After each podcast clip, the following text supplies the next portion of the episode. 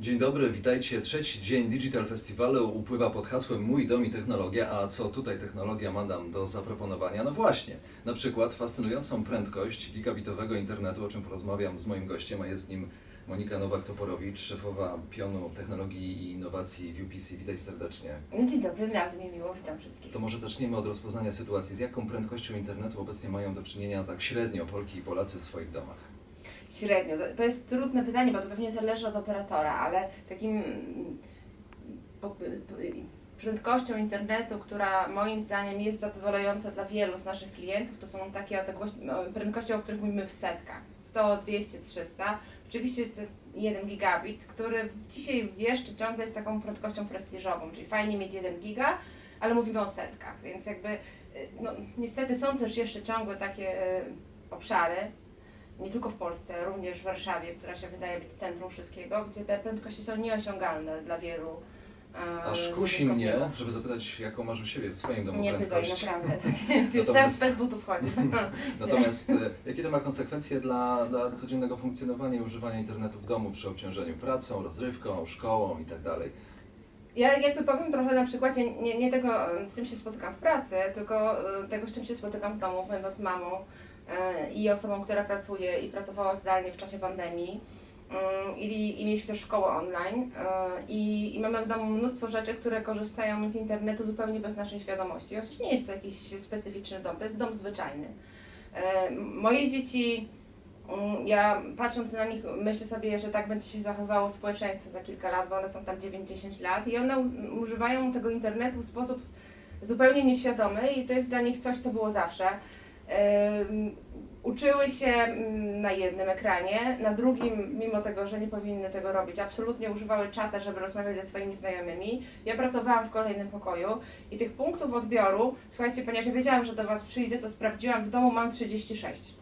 Wydaje się strasznie dużo, ale tak jest, tak? To są Sądzę, że nawet po, mogliśmy, moglibyśmy poświęcić e, czas e, na tę rozmowę właśnie na rozpracowaniu całej mapy tych 36 Tych 36 punktów. I to byłoby bardzo ciekawe. No dobrze, przejdźmy dalej. E, Do, do tego, mm, jak można sobie wyobrazić dom, który ma 36 plus, plus, plus kolejne punkty, czyli co właściwie może dać Polkom, Polakom, ich dzieciom szybki internet, ten gigabitowy internet w takim codziennym funkcjonowaniu. Czyli, e, Moim zdaniem wolność i autonomię w decydowaniu o tym, co ja robię, gdzie ja robię i, i w jaki sposób korzystam z połączenia ze światem, bo jakby ta komunikacja jest i była i moim zdaniem będzie najważniejsza e, w naszym posługi, w naszym takim codziennym y, y, istnieniu w świecie biznesowym czy też w szkole i to nam daje wolność. Możemy pracować w jednym miejscu, będąc w drugim miejscu, możemy robić zakupy, e, i one same się pojawią w domu, nie musimy z tego domu wychodzić. Możemy monitorować nasze punkty odbioru energii, e, kontrolować, czy na pewno optymalnie wydajemy tą kasę w domu, czy może nie powinniśmy coś zmienić. I jakby moim zdaniem internet przede wszystkim daje nam wolność i też zwiększa nasze możliwości na rynku pracy, bo no, niczym dzisiaj nie jest dziwnym, że będąc w jednym mieście, pracujemy w drugim mieście, pojawiając się tam, podczas się trzeba pojawić, bo relacje są bardzo ważne, ale dużo rzadziej niż normalnie. Czyli możemy ten swój czas dużo lepiej nim zarządzić, tak? I, i podzielić go, y, już go nawet chyba nie dzielić pomiędzy tą część związaną z pracą, a część związaną z życiem codziennym, tylko właśnie zmiksować to w elastyczny sposób. Obawiam się nawet, że jesteśmy neurologicznie tak ukształtowani, że potrzebujemy kontaktu i dlatego cieszymy się chociażby, że, że jesteś tutaj Ja z nami i rozmawiamy na Digital Festiwalu o gigabitowym internecie, czyli takim internecie rakiecie, e, która, która przenosi nas w przyszłość, fajną przyszłość, jak, jak mi się wydaje. Byleby tylko przeskoczyć przez ten, przez e, mm, e, no właśnie próg dostarczenia i Mhm. też, żeby ludzie e, opanowali te, mm, e, te możliwości, które dają, no choć daje chociażby mm, lodówka w systemie internetu rzeczy, czy, czy ogrzewanie domu, czy, czy, czy in, inne, inne sprzęty AGD już bardzo zaawansowane. Jak to może wpłynąć w ogóle na rozwój, załóżmy, dużych miast? Jak to może wpłynąć na rozwój przedmieść oraz e, Mhm. mniejszych miejscowości w Polsce? Znaczy, jeszcze raz, to jest dla mnie jeden z takich e, istotniejszych filarów wzrostu ekonomii, gospodarki, który, który, który mamy dzisiaj do, ciągle do zaadresowania. Fajnie, że powiedziałeś o tym, że musimy pokonać te bariery, bo te bariery ciągle są. E, One są jakby głównie w dwóch aspektach. Jeden to jest ten element regulacyjny, gdzie tak naprawdę budowa internetu światłowodowego to, na, to nie jest bułka z masłem. Tam, żeby, żeby to się wydarzyło, trzeba przejść przez naprawdę i spełnić szereg wymogów regulacyjnych i jakby wydaje mi się, że tutaj jest dużo do zrobienia, żeby można to było robić dużo łatwiej i można by tak zmodyfikować przepisy, żeby rzeczywiście to jakby posunąć do przodu i żeby ten wzrost e, dostępności do gigabitowego internetu był dużo szybszy niż dzisiaj. Z drugiej strony, ja, ja mam poczucie, że tak nawet nie trzeba dużo czasu poświęcać na to, żeby wbudować, wybudować w ludziach potrzebę korzystania z internetu. Ona naturalnie jest, e, no bo tak rozwija się wokół nas rynek, pojawiają się te gadżety typu IoT, które już się przestają być gadżetami, tylko stają się codziennością i ludzie naprawdę naturalnie zaczynają z nich korzystać, niezależnie od tego, czy oni są z pokolenia, kiedy jeszcze internetu w ogóle nie było, jak się urodzili, a, a być może był taki wystukiwany na telefonie. Naprawdę bardzo ładnie się adaptują do tych wszystkich nowych e, e, dodatkowych elementów, które ułatwiają życie. Jakby to jest tym elementem kluczowym. Jeżeli będziemy pokazywać jak ułatwić sobie życie, korzystając z tych e, elementów IoT, jak Ty je nazwałeś, czy też wszystkich innych, które nam pozwalają tak po prostu sterować naszą rzeczywistością, to one automatycznie zostaną przyswojone przez społeczeństwo i my zaczniemy ich używać. Jak zaczniemy używać, to przez ten przykład będziemy multiplikować tych kolejnych użytkowników. Zadam to pytanie, chociaż e, właściwie ono już e, znalazło swoją odpowiedź, no może jednak warto doprecyzować, to znaczy czym albo czy dostawca mhm. internetu, taki jak Wy, musi przekonywać swoich odbiorców do tego, żeby rzeczywiście przyspieszać prędkość internetu, aby tam, tam przesył danych no, pozwalał właśnie na e, skonstruowanie u siebie chociażby smart home. Przekonywać. Znaczy, przede wszystkim my musimy, musimy i, i, i edukujemy, czyli chcemy pokazywać, co daje internet, po co jest ta prędkość. E, rynek rośnie, rynek danych, ja patrzę, mówię o tym na przykładzie swojej sieci, my musimy tak co roku mm, dokładać do y, y, zaadresowania potrzebnych przepustowości, bo nam ta, ta, to wymaganie na przepustowość rośnie o 20-30%. To się trochę, mm, tak trochę spikowało i poszło w górę bardzo mocno w okresie pandemii. Teraz się troszkę wypłaszcza, ale to naturalnie rośnie i ta, ta zapotrzebowanie na prędkość się pojawia, więc y, to edukacja, ta, ta edukacja tych użytkowników końcowych z naszej strony trochę jest realizowane w ten sposób, że my im tą prędkość y, po prostu dajemy coraz większą. Czy to przez jakieś y, mm, upgrade prędkości, które dajemy po prostu, żeby ten użytkownik miał coraz więcej, bo widzimy, obserwujemy, że jest taka potrzeba i po prostu naturalnie dajemy mu więcej. I, i też y, jakby staramy się być aktywni społecznie w różnych kampaniach, pokazywać, że gdzieś tam jest miejsce na to, że my możemy my pomóc. Fajnym przykładem było to, co zrobiliśmy w czasie pandemii, kiedy dostarczaliśmy internet dla nauczycieli. Um, wiedząc, że to, tam jest ten element, gdzie dzisiaj jest teraz ciasno. To nie jest tak, że każdy nauczyciel yy, ze swojej pensji, która nie jest świetna, bo moim zdaniem nauczyciele mają za mało, fajnie jakby mieli więcej, jest sobie w stanie yy, zagwarantować łącze o przepustowości, które pozwala mu w płynny sposób pracować zdalnie. Oni wszyscy nagle do takiej do, takiej, do takiego świata się musieli przenieść i umieli się tam, musieli się umieć w nim odnaleźć, odnaleźć się w tych Teamsach i w tych wszystkich złożonych technologiach, z których bardzo wielu z nich nie korzystało. Z tego co mówisz, e, nie za bardzo jest potrzeba przekonywania ludzi, którzy oczekują tego, żeby internet rzeczywiście umożliwiał im dobre funkcjonowanie, fajne funkcjonowanie i mm. też e, podsuwacie pomysły, w jaki sposób go wykorzystywać. Przykład nauczycieli był tutaj dobrym przykładem, czyli to po stronie E, infrastruktury, po stronie regulatora jest e, ewentualnie pojawia się coś, co może e, przeszkodzić w zrównoważonym rozwoju tego obszaru gospodarki. Tak, so, dla mnie bariery są dwie. Jedna to jest regulacyjna, a druga to jest pewien próg inwestycyjny, który jest niemały, dlatego że myśmy, ten internet jest już w tych dużych mm, miejscowościach o dużym zagęszczeniu, gdzie jakby ten próg inwestycyjny jest trochę mniejszy na użytkownika końcowego. Teraz musimy przejść do realizacji i dostarczenia tego internetu w mniejszych miejscowościach, o mniejszym zagęszczeniu. No i na pewno to się przyda. I tam jest drożej. Tak. I tam jest drożej. E, a, i, a tam dzisiaj jest ta potrzeba, czyli naprawdę potrzeba posiadania internetu nawet w małej wiosce ona absolutnie funkcjonuje y, i ludzie chcą. I mają świadomość, że to jest to, co dzisiaj mają, to nie jest to, co oni chcieliby mieć i naprawdę chcieliby mieć taki internet szybki, ten gigabit to jest w ogóle ich marzenie. Tak? I to jest świetny I... dowód na to, że internet wyrównuje szanse pomiędzy tak. E, dużymi i małymi ośrodkami w Polsce. A teraz przejdźmy do rozwiązań cloud. E, to znaczy, czy uważasz, że e, chmura domowa jest czymś koniecznym, a jeśli tak, może nie tyle koniecznym, co potrzebnym albo mhm. dającym więcej możliwości rodzinom w kraju. A jeśli tak, to dlaczego? Czy w ogóle chmura, nie, tylko domowa, ale również biznesowa jest czymś, e, mm, co jest faktem i będzie się tylko rozwijało. E, Dlatego, e, że tam są gotowe narzędzia do pracy. Gotowe biznesowe, ale również gotowe domowe, więc e, nie ma potrzeby nie wiem, kupowania licencji, e, uczenia się tego, jak, tego, jak, jak z tego korzystać. E, To po prostu jest. Czyli można się dopiąć do tej potencjalnej chmury i, i, to, ten, i już się coś ma, a poza tym jest jeszcze jeden bardzo, bardzo istotny element, który dzisiaj jest, bardzo mocno przekonuje wszystkich, żeby z tego korzystać. Można się tym dzielić w sposób prosty, a ludzie dzisiaj w internecie lubią się dzielić i tam się przenoszą nasze relacje, więc z tych relacji takich osobistych część odeszła do internetu, więc ten element dzielenia się, korzystania z czegoś wspólnie, uczenia się mm, jedni od drugich jest czymś, co, co, co przekonuje ludzi do chmury i na pewno będziemy szli w tym kierunku, więc y, no i też kolejna rzecz, element związany z danymi. Tych danych jest coraz więcej i my je musimy gdzieś gromadzić i to są już takie ilości, gdzie żeby to zrobić szybko i żeby się nie martwić, że nam braknie tego miejsca na gromadzenie danych, albo że się z nimi coś stanie. Bo też trzeba jasno powiedzieć, że te dane w chmurze, mimo tego, że się dużo mówi o bezpieczeństwie chmury i czy my na pewno mamy te dane tam super bezpieczne, to one tam są bezpieczne, jeżeli chodzi o ich dostępność. One tam są nie znikają. Mm, I nie musimy się martwić, że nasz nośnik domowy coś tam gdzieś zginął, zaginął, coś się z nim wydarzyło. One tam są. Więc dwie rzeczy. Dostępność, dzielenie się i łatwość, tak? To po, po prostu tam klikam i mam, tak? Argument bezpieczeństwa danych jest e, przekonujący wszystkich, natomiast rodzi inny argument, Mhm. inną wątpliwość, to znaczy o, o samo, samo wykorzystanie tych danych, bo, bo mimo wszystko te dane przekazujemy No o tym moglibyśmy rozmawiać godzinami. Znaczy to jest jedyne... Tak, e, e, przekazujemy.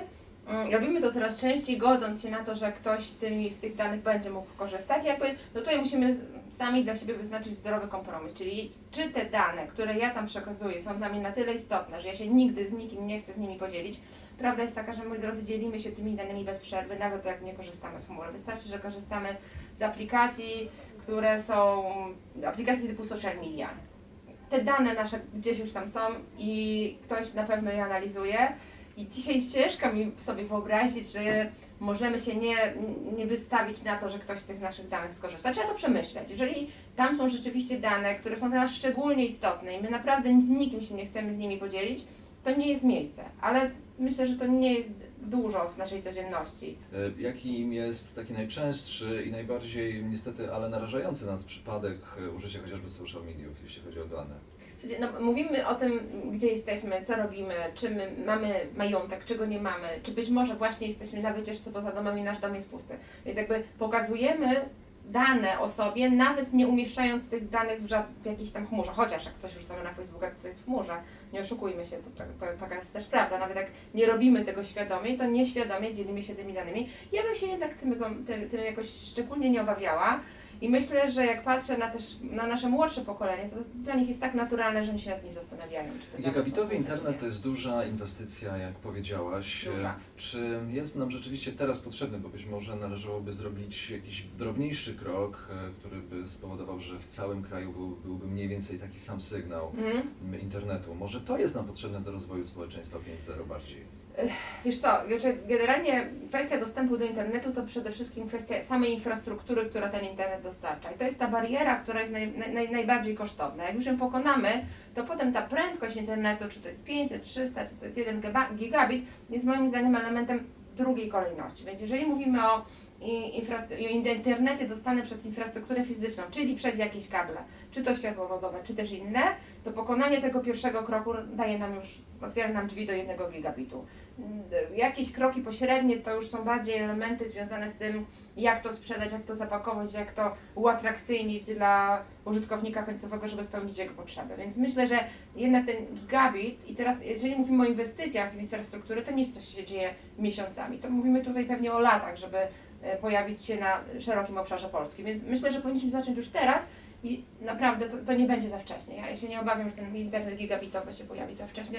Rynek już mówi o internecie 10-gigabitowym dla użytkowników końcowych. Na razie wydaje się to być zupełnie niepotrzebne i, i jakąś bajką, ale jak zrobimy parę e, kroków wstecz i zobaczymy, jak to było kilka lat temu, no to wtedy 100 mega wydawało się czymś zupełnie nienormalnym, a dzisiaj wydaje się, że to jest za mało, więc e, trzeba popatrzeć na to, jak się to rozwijało w przeszłości, żeby zrozumieć, że ten gigabit to za chwilę będzie commodity. Pozwól, że wrócimy na moment jeszcze do internetu rzeczy, e, Internet of Things. I zastanówmy się nad tym, jak oceniasz akceptację Polaków dla tego rozwiązania, to znaczy dla rozwiązania chociażby smart home, gdzie Mhm. mogę operować e, domem z mm, interfejsu prostego, czyli smartfonu, siedząc na wakacjach na Florydzie na przykład. Ja się śmiałam, znaczy ja podam Ci jeden przykład e, z mojego domu, mm, a mianowicie bardzo długo z moim mężem mm, nie mogłam się dogadać co do tego, czy na pewno chcemy mieć na, w telefonie ten przycisk, który otwiera nam bramę, bo kłóciłam się, że lepiej go nie mieć, bo wtedy chociaż trochę się ruszy tyłek, przejdzie się te kroki, żeby tą bramę otworzyć. No, Uległam, no, uległam. Więc jak się y, y, i mam.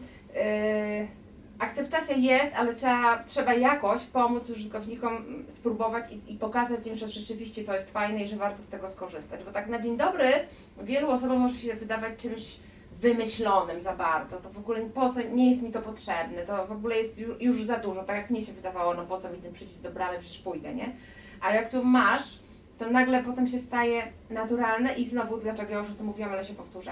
Wszystko, co powoduje, że nam jest łatwiej żyć, jest bardzo łatwo akceptowalne przez społeczeństwo. Jak sądzisz, ile czasu potrzebujemy do tego, żeby e, IoT odnoszące się do e, e, sterowania domem e, Mhm. rozpowszechniło się w Polsce? Że załóżmy 20% gospodarstw domowych w Polsce będzie mogło się pochwalić, że ma Że jakieś ma. takie rozwiązania, tak? To jest też no, trudne pytanie. Myślę, że tu też jest bardzo ważne, jak będą nas wspierać w tym samorządy i jak tam IoT zostanie rozpowszechniane najpierw na poziomie trochę biznesowym, bo w, tej w kolejnym kroku ono wejdzie tam w taki, do takiego użytkownika indywidualnego. Y, Wydaje się, że dużo się w tym obszarze dzieje. Mówimy o coraz, wie, o coraz większej ilości projektów typu Smart City, gdzie rzeczywiście gdzieś tam w mieście się pojawiają rzeczy, które, y, które są IoT. I jakby, jak będziemy się temu przyglądać, to gdzieś tam wejdzie pod nasze. No ja bym zaryzykowała, że za 3 lata IoT będzie absolutnie czymś, z, czego korzystamy na co dzień i znowu nawet nie wiemy, że z tego korzystamy, bo traktujemy to jako kolejne ułatwienie. I wreszcie, jako że e, Digital Festival odbywa się pod hasłem Digital to nie rewolucja, to ewolucja, nie da się wykluczyć, a chodzi nam o edukację po Mhm. prostu, edukację, o- mm, edukację rozumianą w sposób e, mm, taki, że pokazują praktyczne strony e, tego, jakim, w jaki sposób możemy wykorzystywać nowe technologie. Czy możesz nam powiedzieć, co Twoja firma robi właśnie w ramach tego, w Mhm. jaki sposób jeszcze korzystać z internetu, oprócz tego, że e, no właśnie używamy go do rozrywki, do, mm, do pracowania, dzieci używały go do uczenia się, Mhm. oby nie wrócił lockdown oczywiście.